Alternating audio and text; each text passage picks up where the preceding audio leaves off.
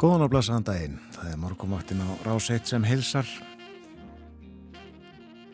Uppurinn miðvíkudagurinn 30. november, síðasti dagur november mánuðar. Í dag klukkunum vantar réttrúmar 8 minútur í sjö. Umsjónamenn morgumaktarinnar þennan morgunin Þórun Elisabeth Bóadóttir og Björn Þór Sigbjörnsson. Við fylgjum ykkur til nýju í dag. Það eru býstan ekki hlýjandi á landinu víða. 10, 11 steg að hitti ég vil sumstaðar en ein gráð á það sem svalast er. Og þar mun hlýna í dag. En það var 8 steg að hitti í Reykjavík klukkan 6 í morgun 6 metrar á sekundu austanátt, allskíjað 10 steg að hitti á Kvanneri 9 gráður í Stikisholmi 11 steg að hitti á Patrísfyrði 7 gráður í Bólungavík Tekjastega hitti og logg á Holmavík 10 gráður á Blönduósi 10 metrar á sekundu þar. 6 stega hitti á Söðunusvita 1 gráð á Akureyri heiðskýrt þar. Hægur vindur. 7 stega hitti á Húsavík 6 gráður á Rauvarhöfn 6 steg líka á Skeltingstöðum 8 stega hitti á Eilstöðum 11 metrar þar suðaustanátt fór í 15 í mestu kviðu. Sjöstega hitti á höfni Hortnafyrði og 8 gráður bæði á Kvískerjum og á Kirkjubæðaklaustri. 8 stega hitti líka á Stórhóða og nokkuð kvast þar 18 metrar og fór í 25 metra. 9 stega hitti í Árnesi og 4 gráður á bæði hverjaföllum og veiðvatnarhraunni. 5 stega hitti við Káranhjúka en einstigs frost á landinu miðju sandbúðum á Sprengisandi. Og það verður söðaustanátt, ákveðin söðaustanátt í dag og vætu samt um landið sunnanvert en hægari söðlega átt í kvöld og dregur smám saman úr vætu. Og viða þurft fyrir norðan. Góðar líkur eru á því að hiti fari yfir tíu stig nokkuð víða og jafnvel yfir 13 stig á stökustad fyrir norðan í dag. Það verður suðlegari á morgun, suðlegari átt á morgun og skúrir sunnan og vestan til. Áfram þurft og létt skíjað á norðaustur og austurlandi. Og eh, hittatöluðnar á niðurleið aftur þá en tveggja til sjöstega hiti víða um landið. Kólnar svo aðeins frekar á förstudag og e, lögadag söðlæg átt áfram ríkjandi þessa daga og eh, ágættis veður. En það er sérstaklega varað við því að það er búist við úrhellisregningu í Mýrdal og undir vatnajökli í dag. Svona hveður november þetta ár? Já, með alltaf 13 stöði að hita. Með ólíkjendum. En uh, hálku tilkynningar engu að síður frá vegagerðinni. Það eru hálku blettur á holtaverðu heiði og það er flughált sumstaður á norðausturlandi og austurlandi til dæmis á biskupshálsi og hálkublettir víða á öðrum leiðum á norðausturlandi. Það er snjóþekja á Dettifossvegi og flughált á Fjardarheiði, hálkublettir á Faradal, hálka á Öksi, það er þæfingsfærð á Breydalsheiði, þungfært á Mjóaferðarheiði. Og svo er það blessur hreindirinn vara við þeim á melli Hafnar og Djúpavós. Við förum í ferðalag kaupum okkur miða aðra leiðina með Níl Sedeka.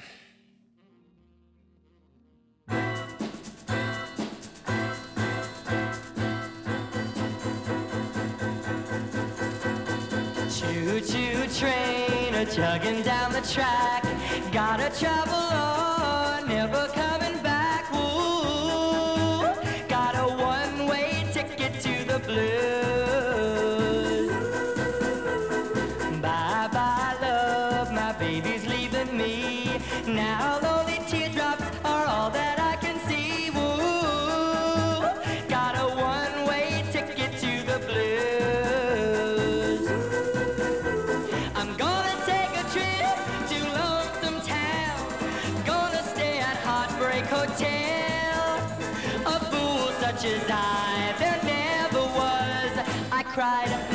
tear so well. Choo-choo train a chugging down the track.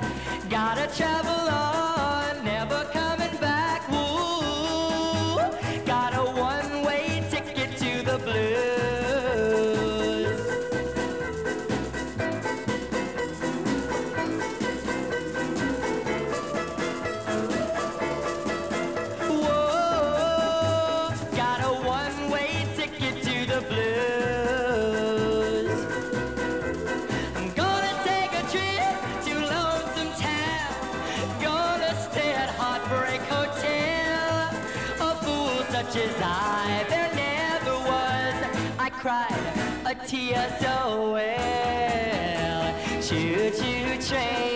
chugging down the track. Gotta travel on, never coming back. Woo! Got a one-way ticket to the blues. Whoa, got a one-way ticket to the blues.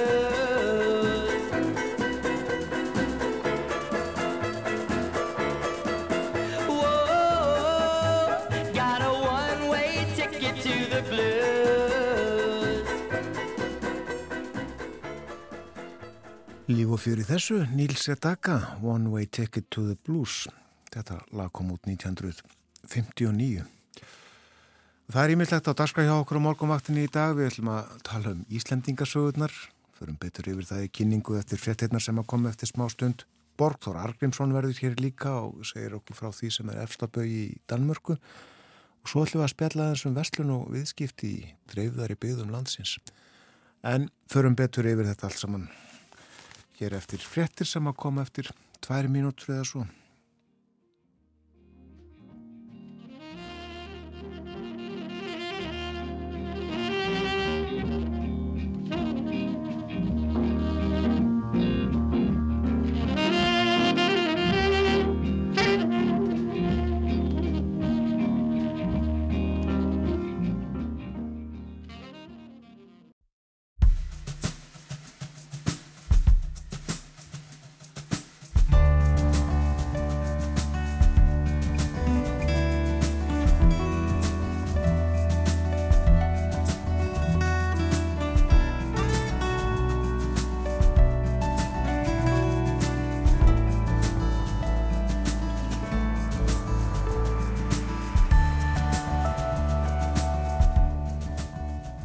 Morgonvaktin helsar og býður góðan dag. Í dag er miðvíkudagur 30. november.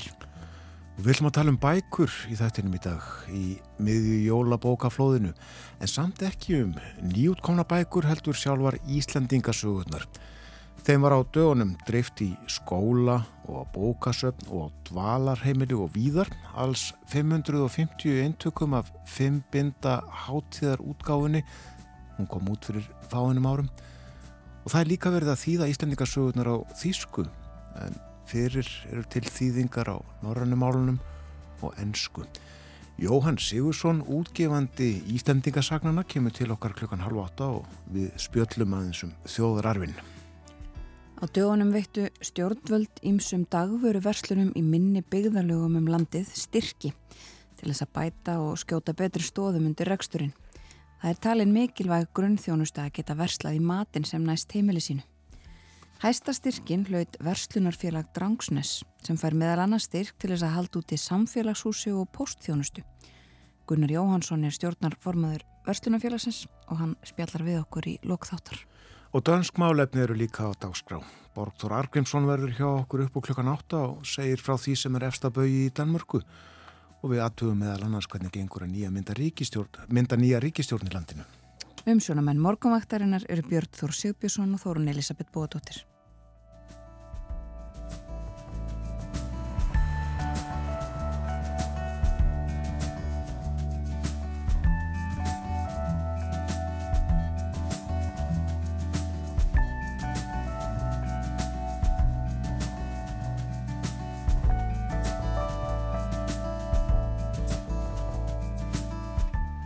Síðasti dagur novembermánaðar ásins 2022 runnin upp og uh, hann fer í sögubækunar þessi, veit ekki hvort þetta verður hlýjasti novembermánuður frá því að mælingar hófust en já, hlýr verður hann og Já. var.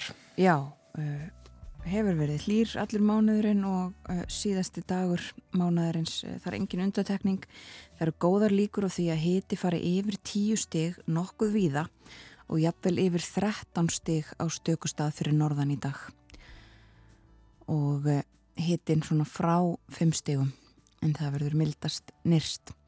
Það er annars ákveðin söðaustanátt í kortunum og verður vætusamt um landið sunnanvert í dag. Svo vætusamt að það er sérstaklega varað við því að það verði úrhellisregning í Mýrdal og undir vatnajökli.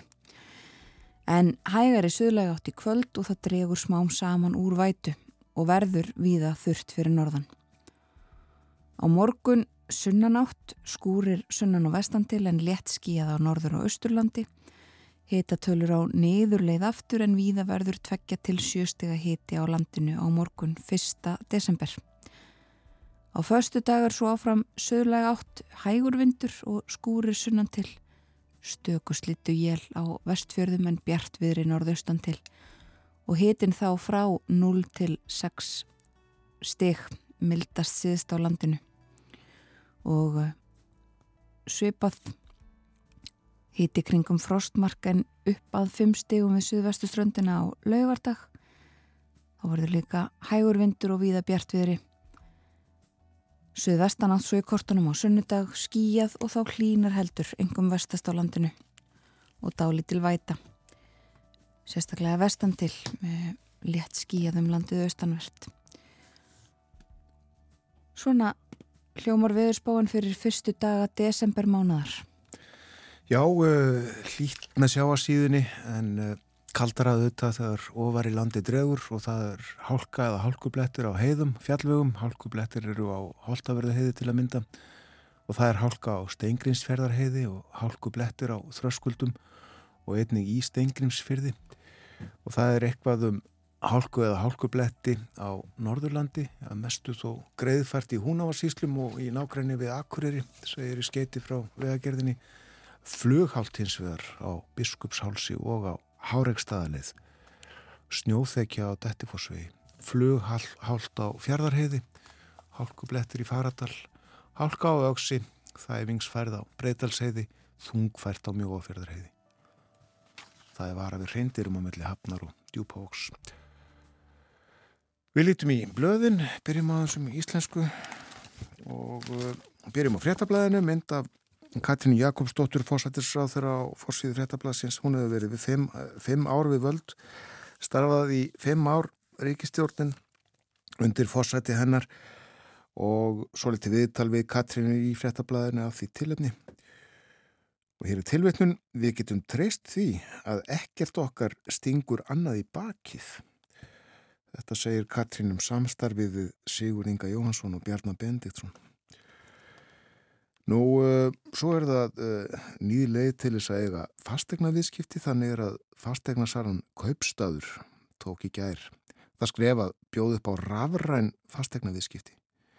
Mikil kostnaður gæti sparast, segir hér. Og rætt við Einar G. Harðarsson, fastegnasala hjá kaupstað. Og hann segir að fjöldi manns hafi unnið að breytingunni í heilt ár. Við erum að tala um byltingu fyrir neytendur, segir hann, hvorki minni minna. Fólk getur lækka kostnað vegna fastegna viðskipta svo nemi miljónum.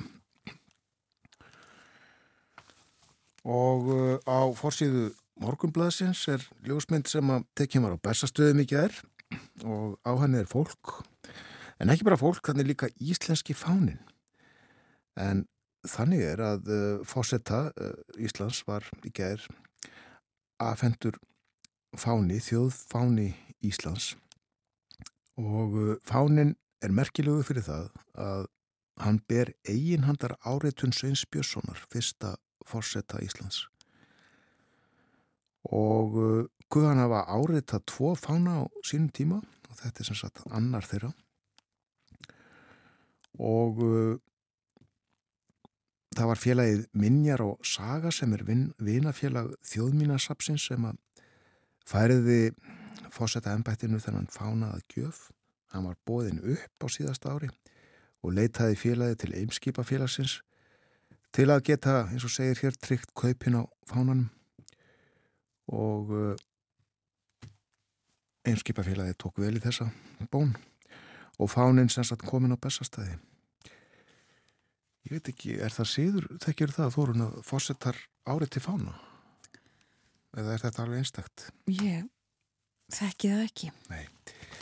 En svo er hér sagt frá því að sjúkratryggingar Íslands spá því að 328 muni sækja um á þessu ári að leita sér meðferðar erlendis og ástæðan er langur byggtími eftir aðgerð á Íslandi. En í fyrra bárust 164 slíkar umsóknir og því talið að fjöldi umsóknar muni tvöfaldast milli ára. Sjúkratryggingar gera ráð fyrir auknum fjölda umsókna í desember og byrjun næsta árs í ýmsum aðgerðaflokkum vegna lengri byggtíma. Þetta kemur allt saman fram í svari við fyrirspöld morgunbladsins til sjúkratrygginga og fjallaðum þetta ítalega í blæðinu. Þetta var svona það helsta fórsíðum íslensku dagblæðana. Kanski áður en við fyrum út í heim nefndi jólabókaflóð í kynningu hér áðan. Svona af því að við erum að tala um gamlar bækur á eftir Íslandikasögurnar, hvorki meirinni minna, þær voru skrifaðar 12-1300 eitthvað svoleiði segja mann rétt. En uh, hvernig allir orðið jólabókaflóð hafi fyrst byrst á prenti á Íslandi? Mér sínist að hafa verið 1942 í auglisingu í Vísi. Þar sagði í öllu jólabókaflóðinu megiði ekki gleima henni þjóðfrægu spennandi sögubók Kapitola. Hún er tilvalin jólagjöf handa ungum sem gömlum. Bókin er í tveim bindum, 600 síður að stærð, gilt með ekta gulli og kostar krónur 40. Þetta var 1942. 1949 saði svo í ritinu Sirpu. Í ár var jólabókaflóðið meira en nokkur sinni fyrr og heldu því engar stíplur fremur en markarfljóti. Er að vonum að almenningur sem sækja á sína sálar fæðu í þetta flóð starri næsta ringlaður á strömfallið og þurfi leiðsagnar við um það hvernig hann skuli bera sig eftir sálar björginni og hvað vanlegast sé að fiska úr þeirri miklu móðu. En því miður er lítið um ráðleggingar í þessu efni. Á ráðleggingar dagbladana er valda, trista. Sum þeir að telja það eitt hold sem með austurbakkanum flýtur önnur telja að aðeins við vestubakkan sé veiðin vennleg til sálar þroska. Og svo áfram og áfram. Já, e, þetta flóð þá að tekið alla leið eins og stundum er sagt í, í þessari umfjöldun sirpu um bókmyndir. Blæði leitaði svo til valinkunra manna og fekk það til þess að mæla með bókum. Jóhann Hafstein mælti með ofvitanum. Sigurður frá Vigur með drengjum sem vaksa. Guðlugur Rósenkrans með Hamlet. Þetta var um uh, jólabækur uh, ásins 1949, jólabókaflóðið þá.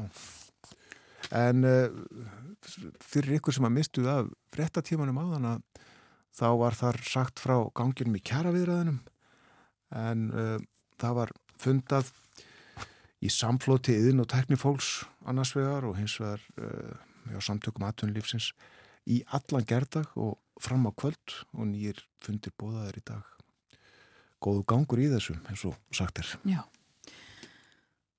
Förum þá aðeins uh, út í heim. Fyrst rættir um kjara viðræður þá skulum við byrja á uh, tengdum málum.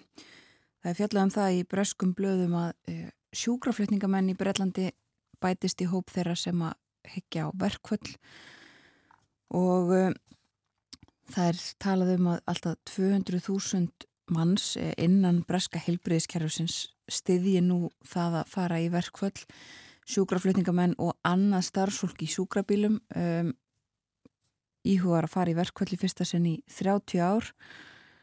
Og nú þegar hafa alltaf 100.000 tjúgrunafræðingar innan um, einan helbreyðskerfisins áformað að fara í verkvöld í tvo daga í desember. Og stjórnvöld þau eru að setja saman einhvers konar plön meðal annars verða að skoða það að, að láta herin stíga þarna inni og uh, sinna störfum sem að uh, fólk uh, yfirgefur í verkvöldum og þetta er til umfyllunar viða í bresku blöðunum í morgunsárið. Aðrar frettir frá Breitlandi auðvitað af fótboltanum myndir frá leik uh, Englands og Wales á flestum fórsjónum. Englandingar hafið betur og eru komnir í 16 liða úslitin.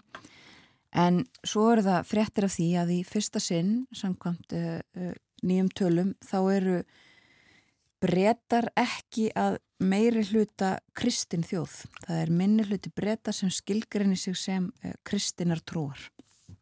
Og þetta er, þessu slegið upp á fjölmörgum fórsýðum líka.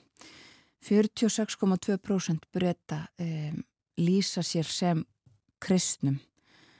Þetta er uh, töluverð fækkun frá síðasta uh, svona mantali uh, eða skoðun á þessu árið 2011 þá sögðust 59,3% vera kristin og tölurnar sína bæði að Breitland er að verða fjölbreyttara þegar kemur á trú og uppbruna segir í einhverjum blöðunum og kallaði eftir því af sömum að e, það verði þá endur skoðuð um, lögjöf um kirkuna. Kirkjan er uh, sagt, Englands kirkja viða uh, svona, hefur ákveðina stöðu og, og talað um hana í, í lögum og inn í þinginu og, svona, og einhverju sem kallti því að þessu verði breytt.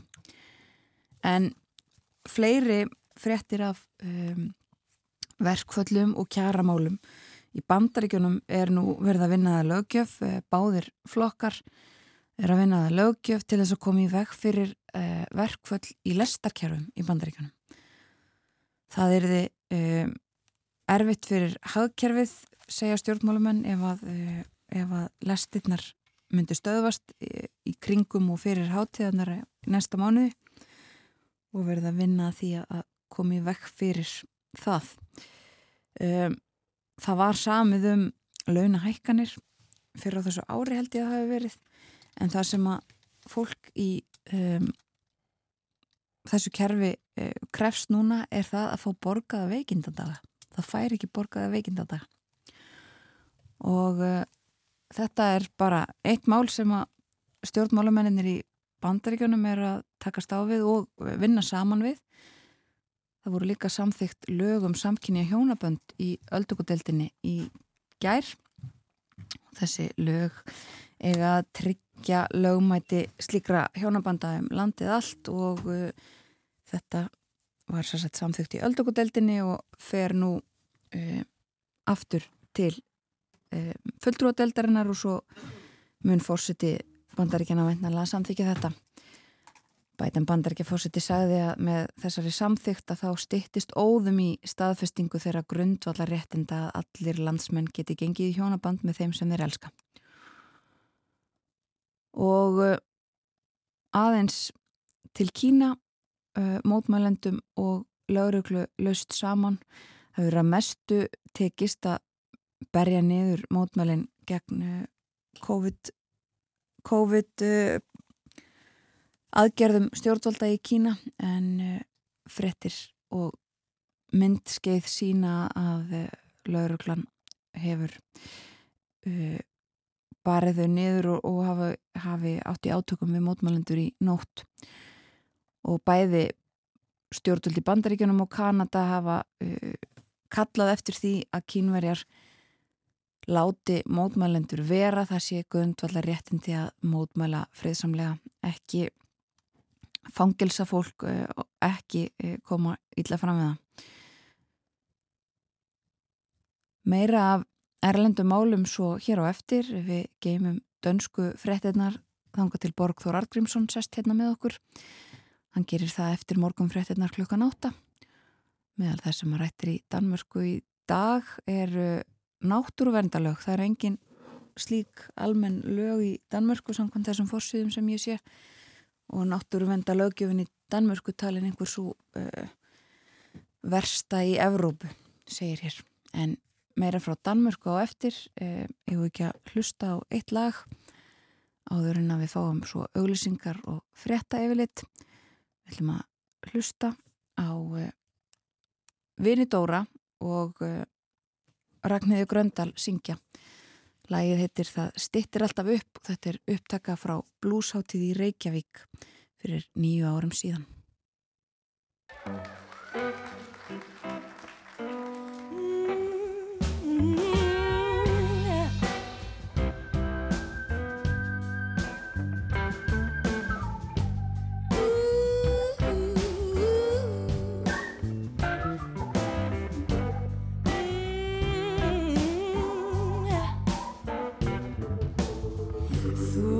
Varst mér eitt og allt. Þú áttir hjarta mitt. Þú áttir hug minn annan og allt hitt. Við höfðum allt til allt allt var á sínum stað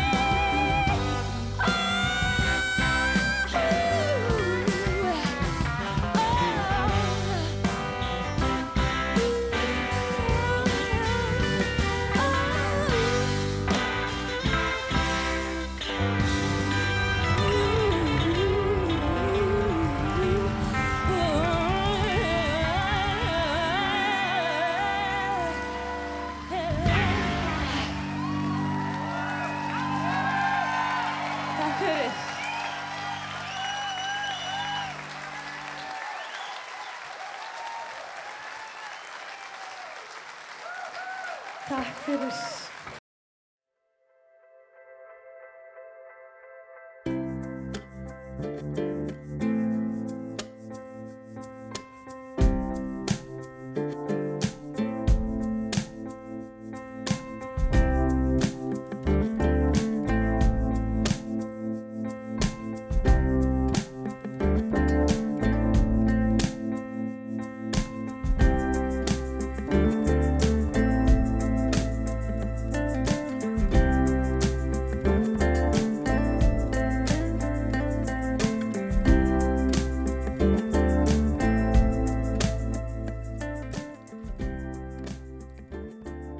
Morgumaktanar ásætt heldur áfram klukkan orðin liðlega halv átta. Það er miðugudagur í dag 30. november, síðasti dagur november mánadar og eh, við þreytumst ekki á að fara aðeins yfir viðspána. Það eru hlýjandi í dag. Hitin 5-11 stig, jafnvel að 13 stigum eða yfir á stöku stað fyrir norðan í dag. Ákveðin suðaustanátt og vætu samt um sunnanvert landið en hægari suðlega átt í kvöld og dregur smám saman úr vætu og víða þurft fyrir norðan. Það verður svo sunnanátt á morgun, skúrir, sunnan og vestan til en létt skíjað á norður og austurlandi og hitin á neðurleið aftur þá en víða verður tvekja til sjö stiga hiti á morgun. Og eh, hitin í Reykjavík tíu stig núna og uh, til samanburðar þá er fjóra steg að hiti í Kaupmannahöfn einstig siti í Stokkólmi, Óslo og Helsingi svo við skoðum hinnar höfuborginnar á Norðurlandunum en við förum til Danmerkur til Kaupmannahafnar eftir morgunfréttinar klukkan 8 þegar að Borgþór Artgrímsson verður með okkur. Fyrir yfir það helsta í Danmörku þessa dagana eh, meðal annars stjórnmálinn þar hvernig gengur að eh, mynda ríkistjórn fótboltinn kemur líka aðeins við sögu. Og í lok þáttarins síðasta hlutanum þá eh, fyrir við á Drangsnis og forvitnust um verslunarfélagið þar, kaupfélagið búðina sem nú hefur fengið styrk og þar á að reka búð postjónustu samfélagshús Þetta eru mikilvæga stofnanir í öllum samfélagum. Það verður upp úr klukkan halv nýju en nú ætlum við að eh, tala um bækur. Það er talsvært fjallað um nýjar bækur í fjölumilum þessa dagana eins og alltaf í aðdraganda jóla þegar útgáfu tíðin stendur hæst en þær eru konar til ára sinna sögurnar sem við ætlum að tala um næstu mínútur sjálfar Íslendinga sögurnar eru hér til umfjöldunar.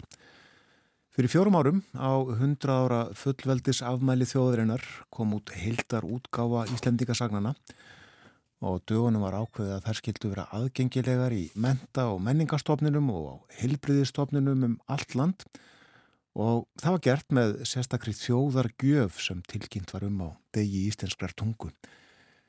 Og hér er Jóhann Sigursson sem að gefur Íslandikasögurnar út. Hann hafði veg og vanda að heildar útgáfinni á sínum tíma og einnig að þýðingu Íslandikasagnana á tungur hinna Norðurlandana og líka á Þísku. Það er verið að þýða þær á Þísku. Eh, velkomin í þáttinn.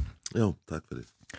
Já, þér verist talsvært kapsmál að koma Íslandikasögunum sem víðast. Já, þetta er búið að vera nokkuð laung vegferð. Ég held ég sé búin að vinna við Íslingarsögur með einum með öðrum hætti síðan 1986 þar sem ég byrjaði á því að selja Íslingarsögur fórum allt land og rætti við landsmenn um sögurnar og kynntist maður því hversu mikilvæg þar eru og uh, sérlega gaman að hlusta á menn sem höfðu ástriði fyrir sögunum þegar þeir letu ljósitt skína og töluðu fjálglega um sögurnar og hvaða svona þeir hafðu metna fyrir sínu svæði kannski, sögur sem gerðist í þeirri heimabegð þá var mjög gott fyrir sölumann sko að, að láta þann sem þú ætlar að reyna að kaupa þér bækunar fara að segja þér frá sögunum. Það var hansi gott sko. En þetta var eftir mér þetta var eiginlega alltaf minn skóli í, í, í sögunum að hitta fólk út um allt þar sem þeir tjáðu sem sögurnar af, ástríðu oft. Já. Og, og þannig kom þín ástríða til. Já, eiginlega var það þannig, smátt og smátt þá svona gerðist þetta og, og um, ég sá fyrir mér að ég geti ekki alltaf farið upp í borgarfjörð að lesa eða selja ístingasögurnar. Eitthvað er það að taka við og þá fekk ég þessa hugmynd að kannski væri bara sniðut að gefa út ístingasögurnar á ennsku í fyrsta sena heimstungu í heldar útgáðu þá myndi maður kynna þessa bókmyndagrein í heilsinni fyrir ennskumælandi heimi og fór á stað í þá vegferð.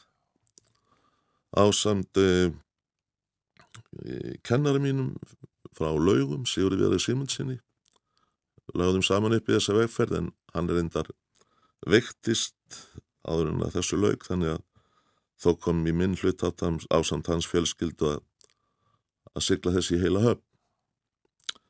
Síðan hefur þetta gengið eiginlega alveg ótrúlega vel. Við gerðum samstarfsanning við Penguin og í samstarfið þá hafa verið gefnar út nýju stakar bækur sem að Ördólu Tórsson er ítstýriði og uh, þær hafa margvalda útbreystu sagnana frá því sem að áður var og uh, nú nefna um 20, er umlega 20% ferðamanna Íslensk fordrit sem ein af ástæðanum fyrir því að þeir fá áhuga á því að heimsækja Ísland. Og það er alveg mögnuð starrend sko. 20%? 20% rannsóknir staðfesta það að um 20% ferðamanna nefna sögurnar sem eina ástæðanum fyrir því að þeir fengu áhuga á heimsækja landið. Og uh, þessar ennsku útgáfur uh, til bæði í, á, Breitlandsegjum og, og eins Já, þær eru bara búin að vera í heimstreifingu í allan þennan tíma og þær kom út 1997 í sko snildar rítstjórn Viða Sveinssonar sem að mótaði það verk og þá var í fyrsta skipti höfð svo aðferð að, að þýningat voru samrendar þannig að ákveðin orð eru þýtt eins í öllum sögunum. Því að ef eitthvað tögtak er ímest þýtt svona eða hinsegin þá kannski rugglar það lesandan en þá vorum við yfir 300 orð sem voru samræmt og með því móti mótaði viðar og hans rít nefnd svona vinnulag. Og eftir því var farið þegar að var farið í að þýða Norðurlandamálinn þá hafðu við svona vegvísi sem hafi verið búin til með ennskútgáðunum og gafst afskaplega vel í Norrlandútgáðunum. Já, og uh, þær þýttar sem sagt á dönsku, norsku og sænsku? Já, Já. kom út sama daginn, allar í einu í 2014. Það hefur verið stór og merkilegu dagur. Það var stór og merkilegu dagur og við vorum náttúrulega gladir að við fengum þjóðhauðingi Norðurlanda til þess að skrifa heiðursformáli í útgáðunar og þar saði Margaret Danadrottni til dæmis að hún vonaðist til þess að að sögurnar eriðu myndu hérna að danski lesendur myndi kynast stögunum eins og hún var svo gæfu sem að gera. Og kvarti til þess að þannig læsu sögurnar. Og tók undir það að þær eru hafa haft sitt að segja um sjálfsmynd Norðurlanda og það er ekkit smá þegar maður fær þjóðfengar Norðurlanda til þess að segja það að sögurnar okkar hafi staðið undir sjálfsmynd sjálfsmynd þessari þjóða einhverju, einhverju leiti. Og hafa þess helst vel í Norrennuríkinum? Alveg mjög vel, það er í Danmörku eru þær búin að seljast í yfir 5.000 eintök sem sagt heldarútgáðan og síðan gerðum við samstagsanningu Gullindal og þeir gáð út sex stakar útgáður Rítstótt Annette Lassen sem var Rítstóri dönsk útgáðunar og kynnti þetta gríðarlegum áhuga og, og krafti. Þær fóru viða um Danmörku hún og Sofí Gróbúl, leikona og hún las upp og Annette talaði fyrir þessu fræðilega af skörungskap og, og það hafði þetta sitt að segja sko. Svo, svo fórum við, um, gerðum við fleira til að reyna að kynna þetta með svona sérstökum hætti. E, ég fekk Þóraðin Eldjátt til þess að yrkja drápur, til þess að flytja þjóðhöfungin með þeir vildu taka mót okkur í því skyni og uh, Marg, við byrjuðum í Danmarku, Margret sem sagt tók við okkar um mikill elsku semmi og Þóraðin flyttin í drápu og þá var þetta í fréttum í Danmarku bara klukkun sem að fresti allan daginn. Og uh, skipti miklu máli, gríðaleg kynning. Og þegar við komum heim úr þessari fræðar för þá byggðu bara 300 okkar pantanir í tölfunni, það var eftirminnilegt. Og svo hjælt það áfram næstu vikvöldan á mánuðin og þærsta selst alltaf jæmt og þett þessar, þessar bækur sko. Og uh, Þýskaland næst? Þýskalandi núna, eða næst og er farið á stað. Ég er sem sagt búin að fá ráða 22 þýðendur sem er að mestu leiti frá Þýskalandi en við erum líka með þýðendur frá frá hérna Östuríki og Sviss og um, tvær ungar og efnilegar vísindakonur eru rítstjórar önnur Anita Sákul er hér á Íslandi hefur kent miðaldafræði hér við háskólan og hinn heitir Rebecca Merkenbeck, Merkenbeck og er í Tübingen í Þískalandi Og allt þetta fólk uh, kann ekki bara íslensku heldur, getur lesið forðsöðunar þannig Já, já, það, það- þann skilninga getur þýtt á þýsku.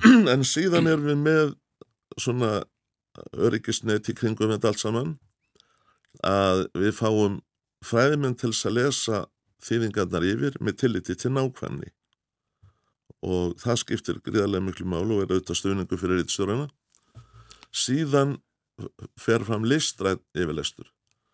Þá fáum við fræg skáld og ríttöfunda til þess að lesa þýðingarnar yfir til þess að slípa textan og liðka hann til eftir því sem þeir geta.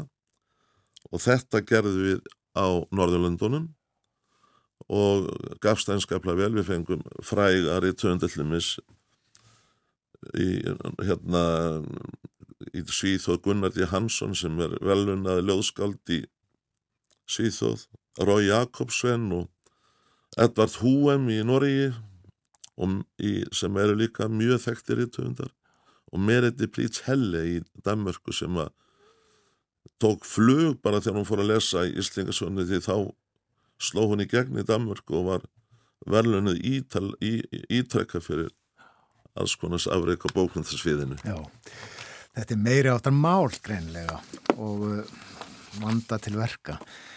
Artúr Björgman Bollarsson sem er með okkur hér á morgunvaktinni á þriðutugum, hann uh, sagði okkur nýlega frá einmitt því að, að uh, þýska unniði væri að þýðingu yfir á þýsku og Já, ég held að hann nefndi þetta tvisar, þrísar eitthvað svo leiðis já, sagði meðal annars frá viðtali að umfjöllun um því í þýsku blaði heilmikil umfjöllun og vakti aðtekli að bóndasónur úr þingaðarsíslu stæði þessu mikla verkefni. já, það, það kom þarna uh, ágættur maður sem er reyndur blaðamaður hjá þessu blaði og var ljúfur og skemmtilegur og áhuga samrið með þetta og uh, já, hann svona aðeins rækta mér gattinnar og byrti þetta á F-síðu og eins í prenthær útgáfu. Og uh, hann spáir því að þegar að þýðingarnir koma, koma út að þá munum við fá mikla umfjöldun í Þískaland um þetta. Og sem að náttúrulega maður vonar að maður nái að vekja aðtegli þýskra á þessum með sama hætti og við höfum tekist með ennsku mælendi heiminn og Norðurlund. Já. Áhugi á uh, Íslandi og öllu sem Íslandst eru þetta mikill í Þýskalandi. Já, hann er það mjög mikill. Hvenær koma uh, bækurnar út þar fortsögnar? Við erum svona stefnum á haustið 24 ef allt gengur. Já. En ef að þetta þarf meiri tíma, ekki má fara að flýta sér í yfirleisturinn og hamast, það þýðir ekki. Þetta verður að taka sinn tíma þá flytjum við þetta bara aftur til 2025. Já, það er ekkert mál. Það er ekkert mál, nei. Jú, þetta er svo lítið mál en þetta verður að vera alveg þrælvel gert Já, einhverju mánuði til og frá þú skipti ekki. djöflast ekki með þjóðararfin og, og hristir hann af svona í tímarhekki Nei, akkurat. Og komst með hérna á blaði umsagnir nokkur að skálda, stór skálda um Íslandingarsögurnar. Já, og það er hérna það er nefnilega þannig að eiginlega allir hér rítöfundar og, og andansjöfrar veraldar sem þekkja sögunar eru tilbúnar að, að gefa þeim sín dýrustu orð og, og svona í tilefni að því að nú er ný liðin dagur íslenska tungu og við erum að hugsa mikið um varveislu tungunar þá lítið snúa á íslensku nokkrum umsögnum frægra skálda hvað er segja um sögurnar Já. Ég ætla að lesa hérna til dæmis það sem að, að uh, Milan Kundera tekkin. gaman, það verður gaman, takk Við munum aldrei átt okkur til fulls á þeirri staðreind að fyrsta mikla sapnið af stórbrotnum lausamálsverkum á evróskri þjóðtungu var sprottið af snilli örsmárar þjóðar, kannski þeirrar minnstu í Evrópu. Þó tróður Íslandingasagna sé óumdildur hefðu bókmyndaleg áhrif þeirra orðið miklu meiri væru þar samdar á tungu stórþjóðar. Þá hefðu við litið á sögurna sem undanfara eða jafnvel undir stöðu evrópsku skáldsögunar. Já, Karen Blixen sagði, fyrir mig er stórfengleiki Íslandingasagnana einhver æðsti heimur sem ég hef kynst. Og svo er það uh, Kurt Vonnegut. já, Hann sagði, enska þýðingin er frábærlega aðgengileg þessum nútíma lesenda. Nú fyrst ger ég mér fulla grein fyrir því hvað ég sem sögumadur á þeim stóra skuldagjalda þessum íslensku höfundum aftan úr öldum. Skál, já hann er töffari nokkur dæmi. já. Er þú vel lesin? Er þetta að fletta í þér? Nei, ég get nú ekki sagt það Nei. Ég las þessar sögur sem strákur dálítið og auðvitað hef ég lesið þær núna samhliða því að vera sífælt að vinna með þetta. Og átti mínar uppáhaldssögur sko. Ég til mér var aðskaplega hrifin af urðarketti eins og að stundu kallaði að fimmbúasögur amma því að hún gerist svo mikið þarna í ljósaðsreppnum að hluta til og í flatjardalnum og hann var á ferðinni þarna á, mínu æsku, á mínum æsku stöðum þá tengdi maður svona meira við það fyrir svo utan það að hann er ógnar kappi Já. ekki vantaði það nú Nei, en þetta er einmitt svona og hefur komið kannski í ljós einmitt uh, þarna þegar þú fóst fóst uh, um landið og seldir Já. sögurnar að fólk á sínar sögur og þá Já. helst að þeir uh, séu þá af þeim slóðum. Já, þær, þær eru oft í sérstöku uppáhaldi þegar þær tengjast þeim stöðum á landinu þar sem að menn búa Já. Og menn hafa þá, já, leggja dálita áherslu á það og þá hefur þekka þeir oft þessar sögur og það skilji vel, hef, hef vel að sömu tilfinningu eftir að ég lagði sérstakann, að lagði sérst, fekk sérstakann áhuga á fimmboga sögu. Áttar þig á uh, áhuga uh, unga fólksins á fortsjónum? Hefur það áhuga? Sko, það hefur einhvern veginn fjarað undan því, því miður og þjóðargjöfin er meðal annars til þess ætluð að sögurnar séu tiltækar allstaðar ungum sem öldnum og að þessi þjóðargjöf sé líður í því að stöðva þetta undanhald og koma sögunum aftur dálítið á dagskrá. Það er hérna, þegar maður talar um unga fólkið og ef maður fær bara aðeins tíma til þess að segja þeim frá sögunum, þá vantar ekkit að það kveiknar áhugi og maður sé brosa á andliti og allt það og, og gefa sér tíma. Finnst þetta bara stórmerkilegt, en einhvern veginn þurfum við að ná til þeirra með og sá sem að kann leiðina til þess er náttúrulega höfu snillingur, ég vil að hann gefi sér fram. Já. En er, er leiðin að unga fólkinu ekki gegnum símana? Jú, það er nefnilega málið sko. Ég hef verið að hugsa um að núna þegar að textanir eru allir komnir og bækvöndir eru ínálegar öllum landsmönnum, nánast hvar sem þeir eru ekki nefi til að leita eftir bókakosti, þá þyrft að fylgja þessu eftir og að þessi nýja útgáfa fari á netið og allt ítarefnið, orðskýringarnar og vísnarskýringarnar og allt sé tiltakt þannig að ef það verður að kenna þetta í skólum eða annað þá geti ungviðið farið í síman sinn og upp lokið þessum arfi eins og þeim sínist á alla kanta og e, já, ég, það, það er eiginlega svona mín hugsin að stopp ekki þannig við heldur að þetta fari líka á netið allir textarnir. Já, og það er þá kannski næsta stóra mál. Já, eiginlega. Já. En aðeins að þessari þjóðagjöf, uh, hún var nú ekki hrist fram úr erminni. Nei. Þetta kostar sitt. Já, já, já, já. Sko, við leituðum til margra íslenskara fyrirtækja og stofnana og 22 fyrirtæki síndu svona skilning og samfélagslega ábyrð og töldu nöðsynlegt núna þegar við fögnum aldaramæli fullveldisins að uh, sögurnar séu tiltakar öllum og þetta voru þetta heilmikið vinna og margar heimsóknir að kynna þetta fyrir fulltrúum fyrirtækja. En þetta tóst með þeim ágætum að þessi mikla gjöf er orðin staðrind og er núna á leiðinni út um allt land. Í, í hérna fallir í gafapakningu og, og þessi útgáð er geysi vönduð sko, það var lagt mikið í hana Og þetta eru eins og við nefndum uh, hér í upphafi skólanir og, og bókasafnuð þetta og já, hjúkranarheimili, dvalarheimili. almenningsbókasöfn meðferðarheimili. Og bara, já, þetta er, þetta er hérna skólar að öllu tægi grunnskólar, mentaskólar, háskólar. Og almenningsbókasöfnin dvalarheimilin. Sjúkrahúsin meðferðarheimilin. Menningasettur, Og þetta eru fimm bindi, er það ekki? jú, Já, þannig að það geta fimm lesið einu. það geta fimm lýsið innu Ennskal árviðaskáldi Ted Hughes sagði Íslandingasögur eru eitt af undrum heimsbókmentana, stórfenglegt, mannlegt afreg. Við sjáum núna hversu stór hluti að vestrætni hefð raunsæðislegra frásagnar bókmenta á upphafsitt í þeim. En við sjáum líka næstu sjö aldirnar ólu ekki af sér neitt verk sem er jafn tímalust og sígilt, ekkert sem hefur til að bera svo óviðjafnarlega beinskeitt veruleikaskinn ekkert jafn hófstilt og þaul prófað af djúpri alvöru lífsins. já, er Hvert orð valið gumgefilega. algjörlega. Já.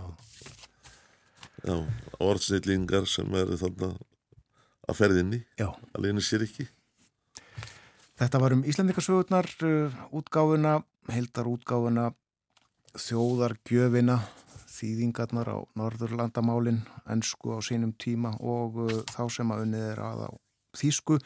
Kæra þakki fyrir að koma þinga á morgunvaktina. Takk hérlega fyrir sömuleiðis. Jóhann Sigursson, útgefandi Íslandingasagnana.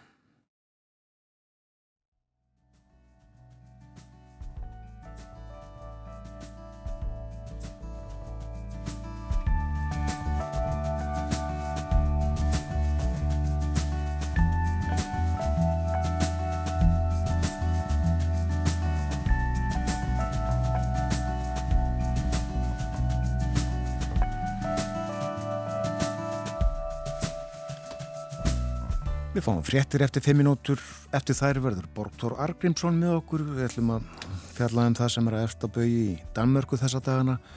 Og uh, svo förum við á Drángsnes, við ætlum að spjalla um verslun og viðskipti þar, lífið og tilveruna.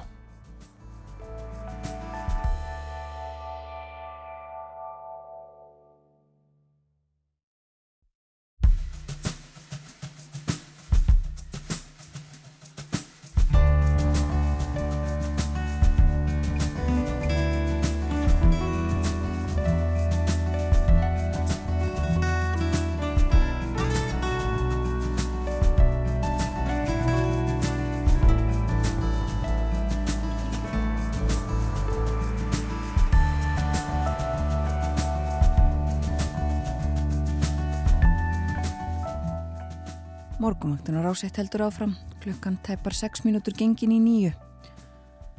Bjarni Pétur Jónsson fór yfir veðurhorfurnar. Hlýtt í dag, þennan síðasta dag, november mánuðar. Hér fyrir fréttinnar var hjá okkur Jóhann Sigursson, útgefandi. Rættum um Íslandingasögurnar. Og hér á eftir þá ætlum við að ræða um kaufjölög, verslanir í smerri byggðalögum. Ræðum við Gunnar Jóhansson hjá verslunarfélagi Drangsnes. En eh, nú ætlum við að tala um dönsk málefni til okkar er komin eins og annan hvern miðvíkudag á þessum tíma Borgþór Argrímsson, góðan dag Já, góðan dag. kannski til að tengja þetta saman eh, hafa aftur yfir það sem að Karen Blixen saði um Íslendingasögurnar og ég vitnaði á hann fyrir mig er stórfengleiki Íslendingasagnuna einhver æðsti heimur sem ég hef kynst Já. en fyrir sömum er fótboltinn allt sem skiptir máli Dan, Danir eru á HM í Katar Já, já. Og það er mikið í húfi. Þeir eru alveg eh, með bakið upp við vegg, eins og sagt er. Þeir verða að vinna Ástrali í dag eða þeir er ekki að taka næstu vel heim. Já, og uh, almennt búist við að, að, að þeir geri það eða ekki í Danmarku þar að segja. Jú, en menn er nú, hafa nú lært af reynslunni að það er nú best að tala varlega. Já, já. Já, voru mikla væntingar Ég held að það hafi verið svona hóflegar. Þeir hafa reyndar alltaf væntinga til sína íþróttamanna, kostum það nú fótbolti, badminton, handbolti eða eitthvað annað. En manni fannst samt einhvern veginn eins og þeir byggjust ekkit við sérlega miklu núna fyrirfram. En miðlarnir hafa nú líka rifjað upp 1992 þegar að danska liði varð Evrópumestari þrátt fyrir að hafa sko, ekki áunni sér keppnisrétt og komiðlega inn sem varalið. Þannig að það er nú ekki öll von úti. Dani sitja öruglega límdir við skjáin í dag. Klukkan þrjú að okkar tíma held ég öruglega En það mikla efreg alltaf rifjað upp svona í kringum stórmót. Já, já, það er alltaf rifjað upp í kring það er alveg rétt. Já.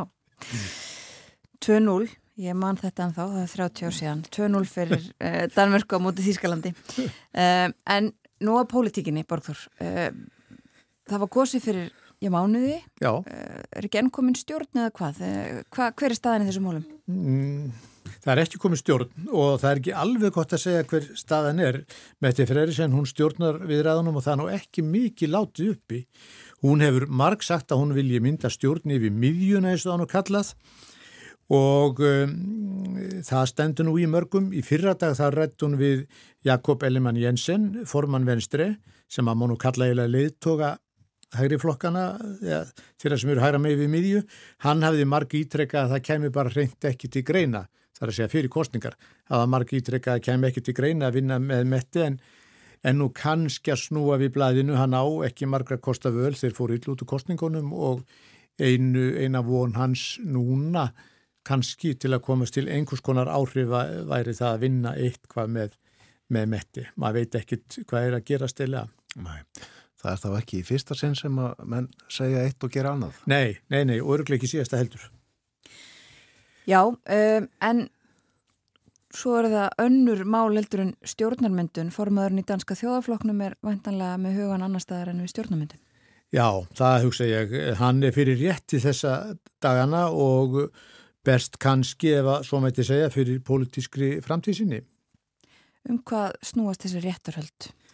Þau snúast um það hvort hann hefði misfarið með fjö úr sjóðum Evrópusambandsins og notað í þáu eigin flokks en slíkt er alveg hardbanna. Þetta gerðist 2015 þegar hann e, satt á Evrópuþinginu og þessi upphæð, hún er nú ekkit háið, þannig laga þetta jafngildi 2 miljónum íslenskra króna cirka og þessi réttarhöld núna, þau eru endutekning á réttarhöldum sem fóru fram í fyrra en þar var hann dæmtur í 6 mánada skilórsbundi fangilsi í bæjarétti sem er sérst lægsta dómstíð.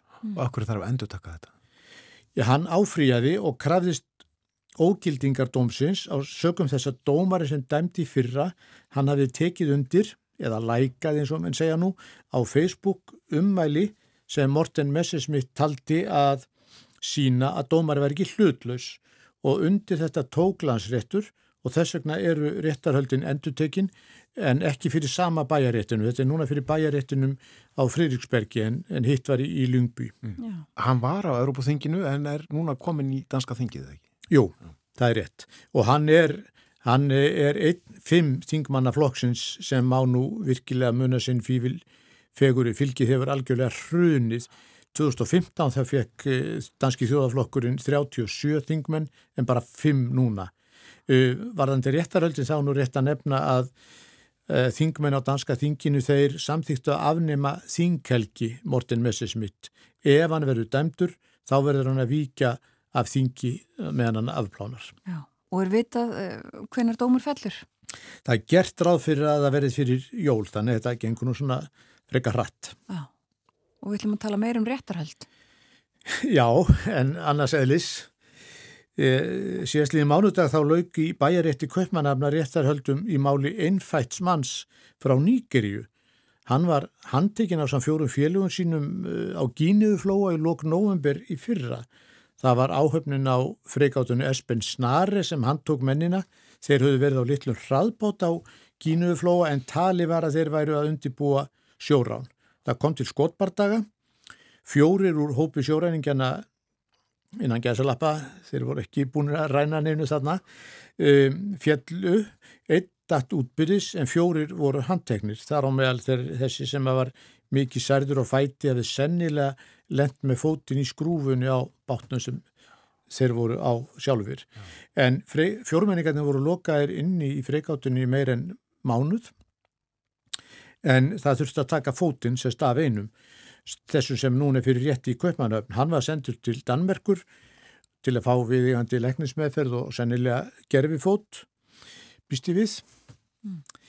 Sko, freikáttan var þarna að reyna að hindra sjórán sem var mikið um á þessum tíma á Gínuuflóa sem er geysi stórt hafsvæði mm. og vestan við Afriku. Og, og það sem var gert við hína þrjá var að þegar þeir höfðu verið fangar um borði í freikáttinn í rúma mánu þá voru þeir settir í svona blöðrubát með litlum utanbórsmótor úti fyrir ströndum nýgeri og sagt að hypja sig. Já, bara sjáuðum eitthvað sjálfur? Já, með þessu móti þá losnuðu danir við það og kannski var það bara einfaldasta lausnin því að þetta, þetta var svona algjört vandræða mál, það er náttúrulega svolítið skrítið að einfætti maðurinn skuli vera sá eini sem eh, kom fyrir rétt. Ákjæruvaldi hafði krafist 12-15 mánuða fangilsi svo brottvísun úr landi en, en maðurinn var síknaður. Það er svoleiðis, já. En hann var sérstaklega ákjærið fyrir sjóran eða hvað? Já, en, en þegar að fari var að fara yfir þetta á dómarinn mat það svo að hann hefði ekki tekið þátt í neinu slíku og það er náttúrulega margbúið yfir heran og allt það og, og og hann var semst síknaður. Og hvað verður þá um hann núna? Það er nefnilega ekki alveg ljóst. Hann fer örglega fram á skadabætur og svo var búið lofunum að, að hann fengi gerfi fóti í, í Danmörku. Þetta er allt hálf svona eitthvað vandræðilegt fyrir Dani. Þeir ruggu með þetta, þessa freikáttu á stað voru ekki búin að semja við Korki Gínu eða Níkerju um að taka við mannum sem að kannski eruðu handteknir og svo fóru þeir þessa leið með þessa hína þrjá bara settu á bara í blörubátinn og sögðum að koma sér í land. Já. Já, þetta var svolítið sérstök aðgerð. Það var mjög, mjög sérstök aðgerð og mjög mikið umtala á sín tíma. Já, þú sagður okkur frá þessu þegar þetta var í gangi á sín tíma. Já, akkurat, einmitt. Höldum áfram á sjó en aðeins nær okkur, heldur en Gínuuflóa. Við ætlum að tala um uh, færejar og Rúsland og já, fiskveðar. Og fisk, já. Við vitum það nú að fiskur, uh, ekki síst óveittur, hann hefur nú oft orðið ágreiningsefni Við þekkjum það nú vel.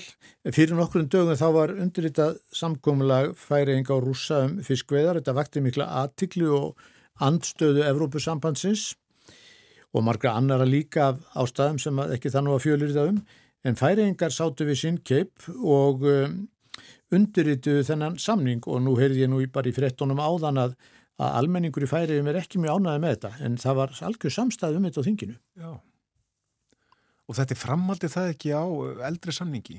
Jú, þetta er, þetta er framaldi á eldri samningi. Færingar þeir fá að veiða 20.000 tonna þoski og ísu í Barentsafi en rússar aftur á móti fá heimil til að veiða 100.000 tonn í færiskri lögsögu, engum kolmuna en líka síld og makril. Þetta er, þetta er samningur sem var fyrst gerður 1977 og hefur síðan alltaf verið framlengdur eh, árlega, alltaf til eins á síðan senn. Færingar segja þetta mikilvægt og, og benda nú líka á að normenn hafi nýlega gert samskonar samkomla við rússa og það hafði ekki heist múk í nokkrum manni þá það er bara þótt allt í lagi og fóð fram hjá einhvern veginn öllum og, og svo benda færi enga líka á að, að matvörur ég veit ekki alveg hvernig að kalla fisk sko, óveitan hvort að kalla það matvöru en það, það sé undan þegar viðskiptabann í rúsa þannig að eh, þessu halda þeir nú fram. Já, já ég mitt þetta er aðtiklisvert það er anstæða við þetta meðal meðluta færeiginga en um, algjör sátt í stjórnum Já, það er nefnilega, það er vissulega aðtilsvert, það hafa nú einhverju þingmenn áður gaggrind þessa samninga en ekki núna. Kanski spilar hann inn í að það er stutt í kostningar í færiðum, það verða 8. desember ef ég mann úr rétt. Jú, jú, Akkurat. bara vika rétt rúmið þar Já, Já. Uh, ætlum að halda okkur við hafið, uh, ætlum að tala um fornminjar, merkilegar fornminjar sem að fundust á hafsbótni.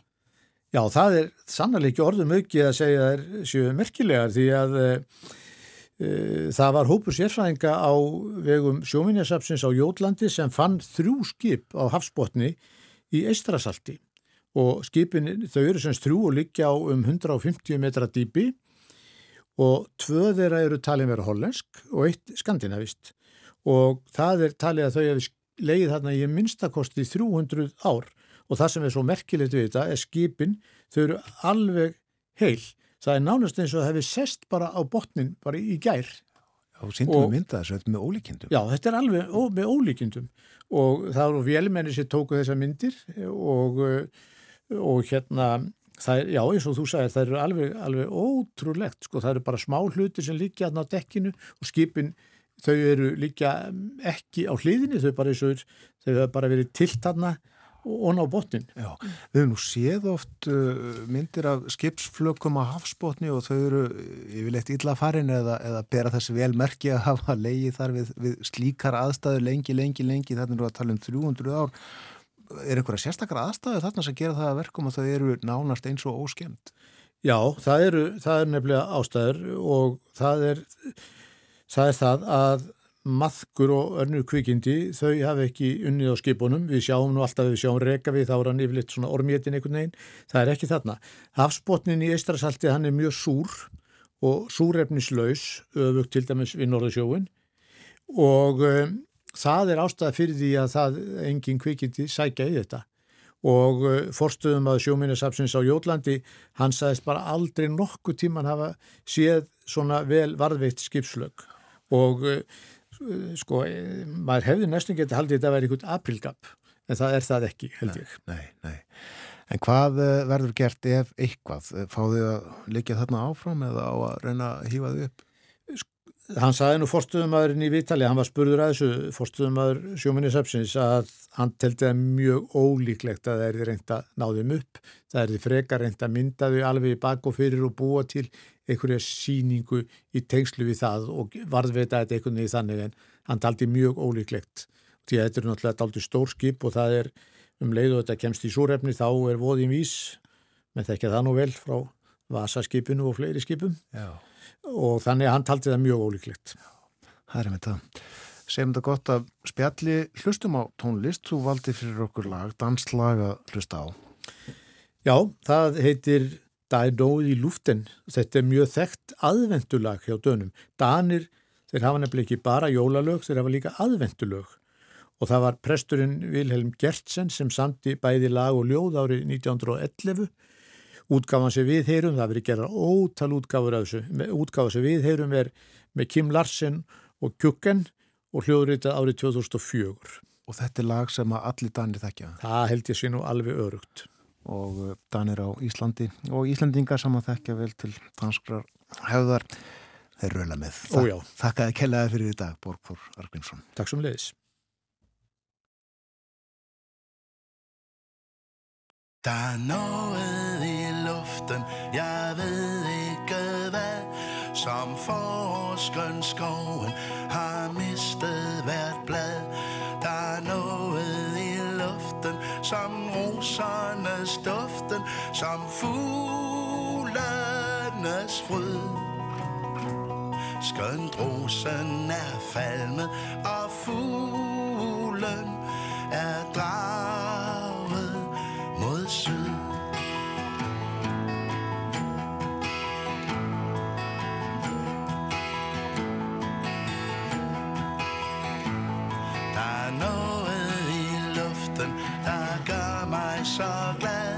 som frisker mit hjerte i ungdommens bad.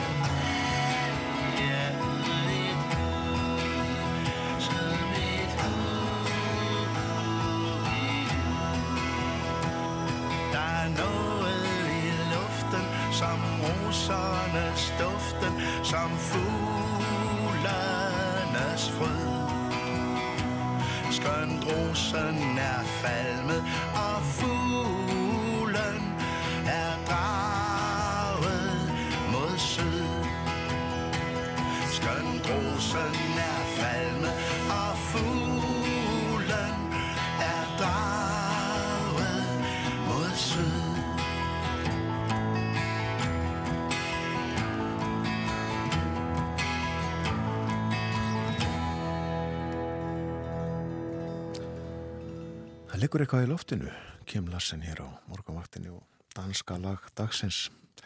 Danska lagi þessa vikuna. Borgþóra Argrímsson valdi fyrir okkur. Já, þeir eiga aðvendulegu í Danmörku. Já, svolítið sniðut. Skipta þessu svona. En uh, kannski aftur af því sem að danska spjallið hófst á fótbolta. Danir mæta áströlum í uh, loka leiknum í reylakeppninni í dýriðli á hinsmestramótinni í Katar spila klukkan þrjú í dag. Og í hinni viðregninni, loka viðregninni í þeim riðli eigast við frakkar og túnismenn. Og uh, Danir þurfa sigur, þurfa þrjú stig til þess að komast áfram eins og við fórum yfir hér áðan. Svo er allt aftur spilað í kvöld klukkan sjö uh, Póland og Argentína annars vegar og Saudi-Arabi og Mexiko hins vegar. Nóum að vera í þessu. En uh, við fyrum að hleypa auglýsingum og fréttastofunni að með yfirleitt morgun frétta. Eftir það þá ætlum við að forveitnast og ræða um lífið og tilverun á Drángsnesi. Ekki síst um verslunina þar sem að fekk uh, styrk á dögunum til þess að uh, ráðast í alls konar vinnu. Við ætlum að heyra í Gunnari Jóhansinni, stjórnarformanni Verslunarfélags. Drángsnes. Hann uh, segir okkur frá áformunum þar og lífinu og tilverunni.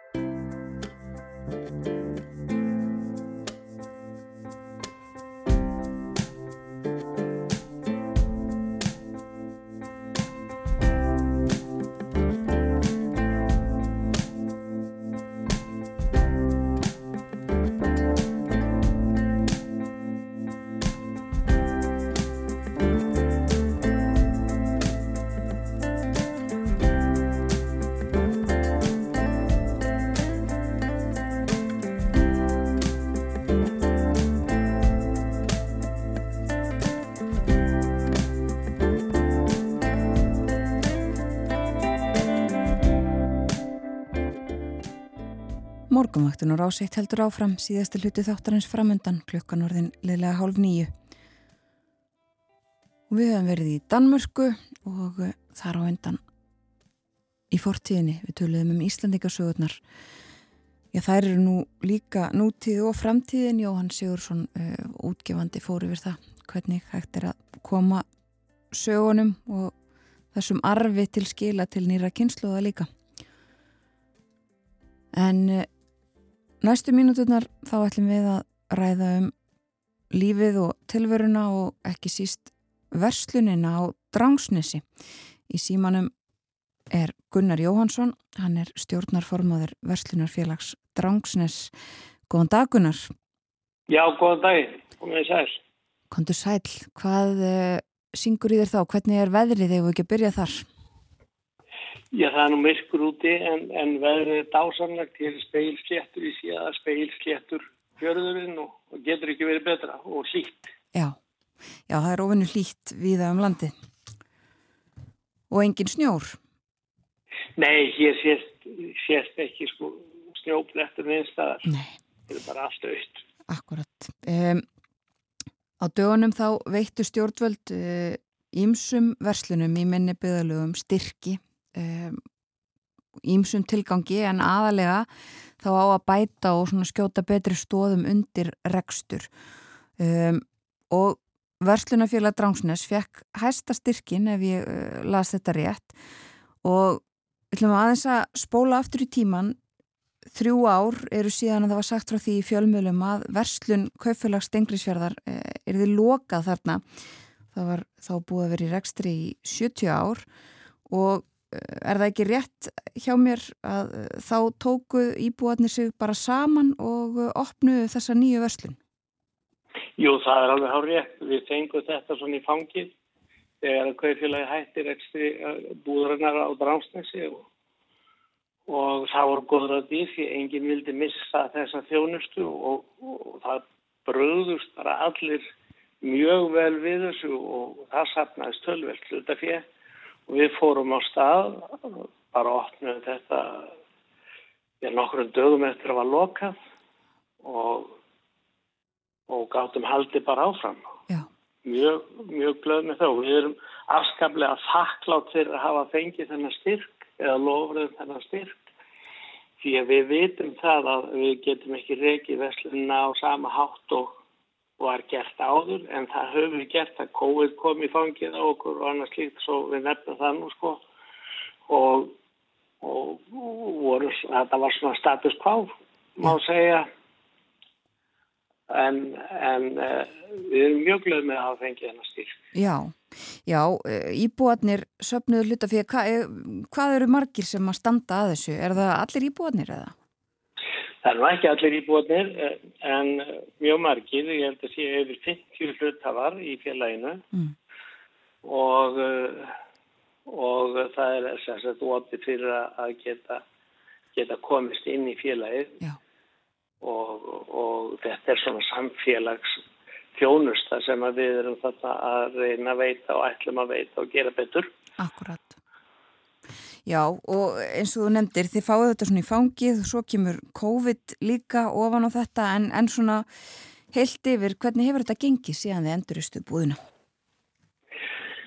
Já það hefur náttúrulega gengið við hefum getað reykið búðina og við erum með, með opnum hérna allt sömarið sko fulla opnum sem að þýðir það að það er opnum um helgar líka en á veiturna þá drögum við nú svo litið saman og, og rífum sex en það er alltaf opið sko eina þrjá, fjóra tíma á dag.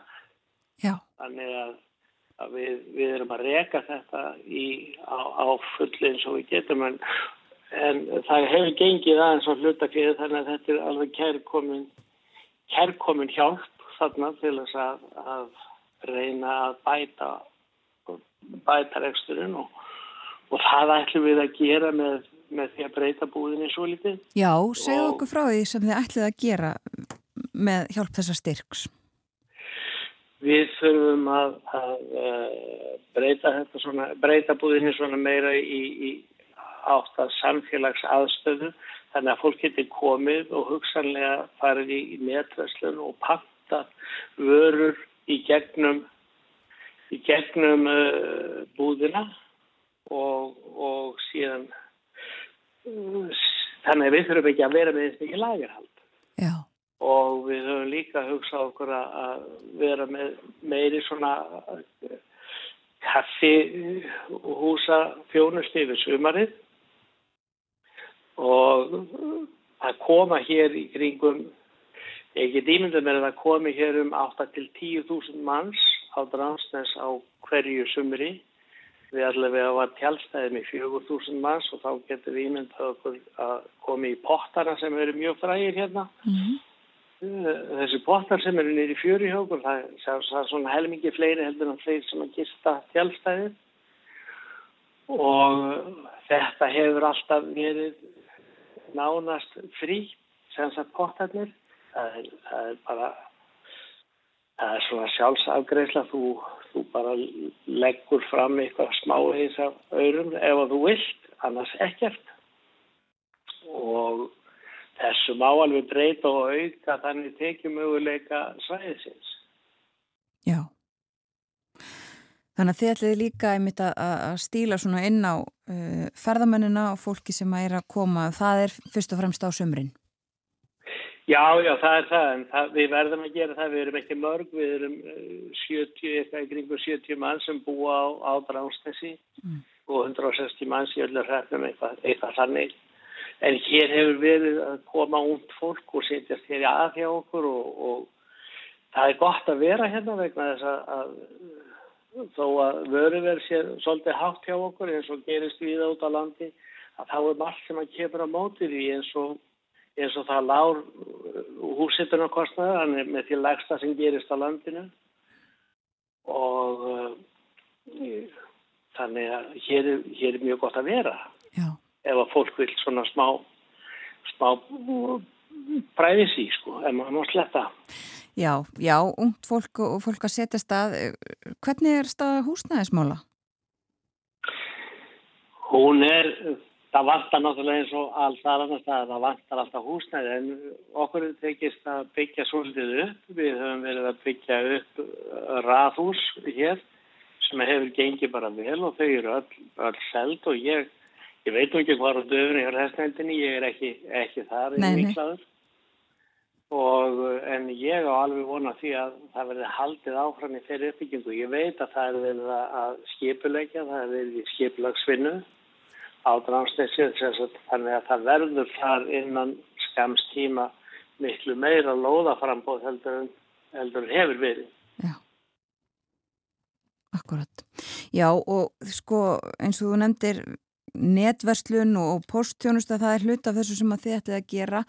Um, þannig að þið sjáu þetta svona uh, fyrir ykkur að nútíma væða þetta allt saman ef að svo má að orðið komast. Já, ég held að það sé það sem að koma skal. Við höfum náttúrulega sinn postþjónustinni í fjöldamörg ár, að kauplegið áður og, og svo tókum við það yfir. Eins höfum við verið með oljusöluna fyrir enni og uh, já, ég held að netverslun verði það sem koma skal og, og, og við erum líka þjónusta bæði landflutninga og flytjanda að hluta til það kemur að koma vörur upp, í, inn á lager til okkar sem eru lesna þar í sundur og afhentar, afhentar uh, til kaupanda eða þeir eigandana sem, að, sem er að fá þessar vörur. Já.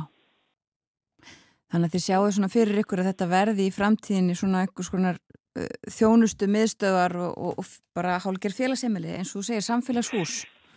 Já, það er, það er það sem við erum að, að sjá fyrir okkur og við þurfum uh, sagt, eh, þá ekki, ekki svo mikið af starfsfólki í þetta ef að, ef að vörðnar eru að koma að en þetta þarf að gerast við, það er sko netverslun hefur aukist svo gríðarlega Já.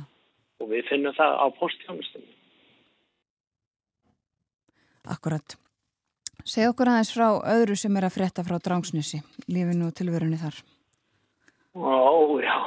Já, við erum að reyka það fiskvinnslu Já, og sem að gengur bara, bara mjög vel og litla fiskvinnslu og, og, og hefur gengið vel undanfærin ár þannig að Við erum alveg bara í góðum málum. Það er ekki skóli og ekki fjölmjörnum með þeim fámunust á landinu. Hann er, uh, ég, held, ég held að sé innan í tíu börn í skólanum. En þetta er gríðilega góður skóli og góður andi og, og er svo, þetta er bara, hér er þetta uh, reikið sem einn stór fjölskylda. Nú það er svo sem ekki mikið að, um að vera svona, á svona litlu svæði nema sko ef við tökum svæðið allt strandabíð og kaldar hans þá, þá er þetta þá er svona ímislegt, það eru veitingastæður á Hólmæg og það eru veitingastæður á Drástansi, Malarhóttn og þannig að það er uh, ef að fólk vill að þá, þá getur það haft nóg fyrir snabni og það eru bara allir svakalega gladir hérna, ég get ekki fundið ná Einmitt, það er gott að heyra. Og uh, hvenar hyggist þið ráðast í þessar breytingar á, á búðinni og uh, nýta þennan styrk sem að þið fáið? Já, við, við gerum þetta svona smátt og smátt og, og við þurfum að, að lagfæra búðina núna einhvern tíman á, á veðramánum í janúar til, til april þurfum við að gera eitthvað þetta er svona hlutur sem á eftir að fara í Já. í svona, já í verkefna, í tíma tímastillingu í verkefnum hvernig við gerum þetta. Já, og allir uh, hvað í kringum 50 hlutafarnir sem að koma eitthvað, eitthvað þarna að og hjálpa stað. Já, það er mikið um það að, að fólk komi og, og hjálpi stað og, og, og geri svona, sé bara í þessari þekkskildu vinnu sem þekkir svo vel hérna út á landi. Já. Það er bara, það er hluti að lífinu bara. Akkurat, og það sem þarf til til þess að samfélagin þrýfist. Akkurat. Já, takk fyrir að spjalla við okkur. Já. Og segja okkur frá þessu. Gunnar Jóhansson, Já. stjórnarformaður. Takk. Já, það er titill. Já, stjórnarformaður Vestlunarfélag Drangsnes. Verður sæl, takk fyrir þetta. Takk, hérlega sem þess. Gunnar uh, í forsvari fyrir Verslunarfélag Drangsnes sem að fekk uh, styrk upp á 7,8 miljónir til þess að uh, standa í alls konar breytingum á versluninni þar. Þetta var hæsti styrkurinn en, en mörg önnur lítill svona litlar búðir sem að fengu styrki til alls konar verkefna. Það er gróska í þessu held ég að mig alveg segja. Verslun í Árnesreppi sem að fekk styrk pöntunar þjónusta hafnartanga í bakkafyrði fekk líka styrk Hrísegjarbúðin, verslun í Grímsei, Láfurverslunin Skerjakotla og Kópaskeri, Gvendarkjör á Kirkjubæuklustri og verslunin Urð á Revarhöfn. Allt eru þetta verslunir sem að fengu styrk eða lofurðum styrk frá innviðaráðunitinu. Þetta er uh, gert til þess að styrkja rekstur þessara verslana í minni byggðalögum sem eru fjarrri stórum byggðakjörnum til að viðhalda mikilvægri grunnþjónustu. Þetta eru þetta grunnþjónusta að geta verslað í matinn og fengi póstinn og allt þetta. Þetta var um Drángsnes, þaðan er stutt til Holmavíkur, til Tullega og frá Holmavík er Gunnar Þórðarsson. Hlustum á lag eftir hann, það heitir Létt.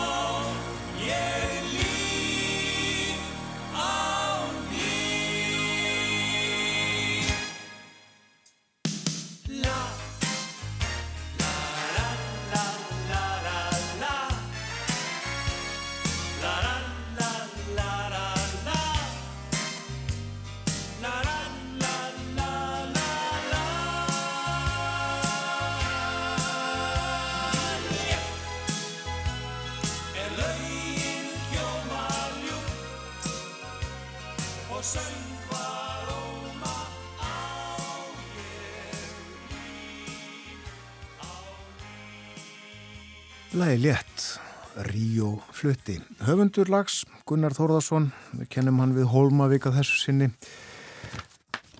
Svona því að við vorum að fjallum lífið og tilurinn á Drangsnesi áðan. Gunnar fættist á Hólmavík, bjóð þar fyrstu 7-8 árin eitthvað svo leiðis. Jónas Friðrik á Rauvarhöfn gerði textan og uh, rætur Ríósins í Kópói. Uh, náðum þarna svona vaffi yfir landið, hvernig einn. Já. Það er þetta ell, ég átta mig ekki alveg á því. En uh, það er ekki þingfundur í dag, svo við förum aðeins að íslensku pólitíkinni. Uh, nefndir þingsins funda og uh, klukka nýju þá hefst fundur í stjórnskipunar og eftirlitsnefnd, hann er opinn.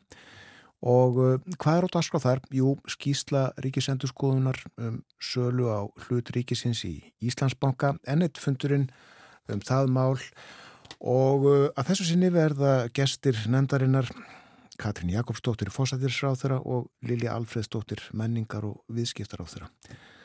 Fundurinn hefst eins og áður saði klokka nýju og er opinn og þetta fylgist með útsendingum frá honum. Nú aðrar nefndir funda líka eh, til dæmis verður fundur í, í skal ég ykkur segja ég er búin að týna því hvaða nefnd þetta er stjórnskipunar og eftirlitsnefnd já. Og uh, meðal mála sem að tekjum verða fyrir á fundinum er tillaga frá Birgi Þórarinsinni með honum reyndar tveir aðri þingmenn Ásmundur Friðriksson og Óli Björn Kárásson lagt er til að uh, sett verði upp uh, gömlu skjaldamerkin sem voru á alþingishúsinu áður fram þessi tillaga en uh, eins og segir í henni með tilugunni er lagt til að skjaldamerkin sem prýtu alþingishúsið allt þar til þau voru fjarlað 1904 verði sett upp á nýju. Og um er að ræða tvö skjaldarmerki annars vegar skjaldarmerki handhafa valds á Íslandi frá fyrri öldum. Það er krýndur útflattur þorskur á rauðum skildi. Og hins vegar skjaldarmerki Danmerkur þrjú krýnd ljón markmiðið með tilögun er að færa framhlið húsins í upprunalegt horf og halda í heiðri eigin sögu sem mikilvægt er og skiltað varvita. Og aðeins að uh, útlöndum förum til Úkrænu uh, og raunar líka til Brussel. Uh, Fórseti Frankværtastjórnar Evropasambandsins Úrsula von der Leyen hefur tilkynnt það núna að Evrópusambandi muni reyna að setja upp uh, stríðskleipa domstól með stuðningi saminuðu þjóðuna til þess að rannsaka og um, ákæra í slíkum málum stríðskleipi rúsa í Úkrænu og þetta tilkynnt hún nú fyrir skömmu. Hún uh, segir að uh, innrás rúsa í Úkrænu hafi haft í för með sér döðsföll, eigðileggingu og þjáningu sem ekki sé hægt að koma í orð og segir þar að það sé talið að yfir 20.000 óbreyttir borgarar hafi látist og yfir 100.000 hermenn úkrænskir hafi látist í, í innrásinni. Rússar verði að borga fyrir þessar hræðilegu glæpi og uh, því verði þetta uh, gert, uh, verði reynd að setja upp sagt, sérstakann domstól til þess að rannsaka og um, líka talaðum það að það þurfi að láta rúsa borga í peningum. Skaðin sé metin á 600 miljardar evra eins og stendur og það þurfa að bæta úkrænumunum þannan skaða um, og leggur til að Evropasambandið um, taki og leggji halda á uh, rúsneska peninga í Evrópu. Noti þá til þess að uh, fjórfesta í Úkrænu. Og ég mislegt fleira uh, þaðan í morgun hafa verið gerðar loftarásir á uh, Saboritsa uh, svæðið þarna í kringum kjarnorkuverið sem að mikið hefur verið í frettum og uh, Selenski í Úkrænu fórseti segir að nú hafi Úkrænu herr drepið 500 rúsneska herminnar síðustu sólarring, síðasta sólarring og þá séu þeir tæplega 90.000 90.000 rúsneskir hermenn, yfir 100.000 úkrænskir hermenn og 20.000 óbreytti borgarar sannsagt samkvæmt uh, þessum frettum sem hafa látist í þessum átökum frá því februar þegar innrásin hófst. En uh, þetta eru frettir frá Úkrænu og uh, auðaríkisráþara NATO-ríkina eru í Búkarest í Rúmeníu Eh, funduðu þar í gær og haldaði áfram í dag og búistu því líka að þeir muni tilkynna um uh, nýjan aðstóðarpakka eða slíkt. Ekki hernaðarlegs eðlis sagt, það er að, uh, einbytta sér núna að veita uh, fjárhæðum í heilbreyðisgögn í hlýjan fatnað og líka varahluti fyrir orkuinn við þið. Þeir eru vist að klárast í Úkrænu svona varalhutinni sem þarf til þess að koma um, orkuverunum og, og rafmagni aftur til fólks þar. Hlýja fatnarsæðuru uh, reyðast þá upp að Þórun Þórdís Kolbrún Ergilaðdóttir Utreikisráð þegar fór með nýprjónaða lópapeisu með sér þegar hún heimsótti Selenski Úkræni fórsetaði mánudagin, var ekki mánudagin? Jú, jú. Akkurat. Eh, það er komið að lokum morgunvaktarinnar í dag. Eh, ég minni á að Bói Ágússon verður með okkur, sest við heimsklukan í fyrramáli, hann verður á nýjum tíma, hann hefur verið hjá okkur klukkan átta uh, síðustu mánuði en verður í fyrramáli og upp frá því klukkan hálf átta og þá má segja að þessi gamli tíminas var alltaf hjá okkur á morgumaktinni hálf átta en svo breytist það en breytist núna aftur. Erlend umfjöllun á morgumaktinni í fyrramálið og yfirslegt uh, fleira auðvitað hjá okkur á morgun. En við þökkum fyrir okkur í dag samfélgina frá því fyrir sjö, múnum að þið njótið dagsins. Verðið sæl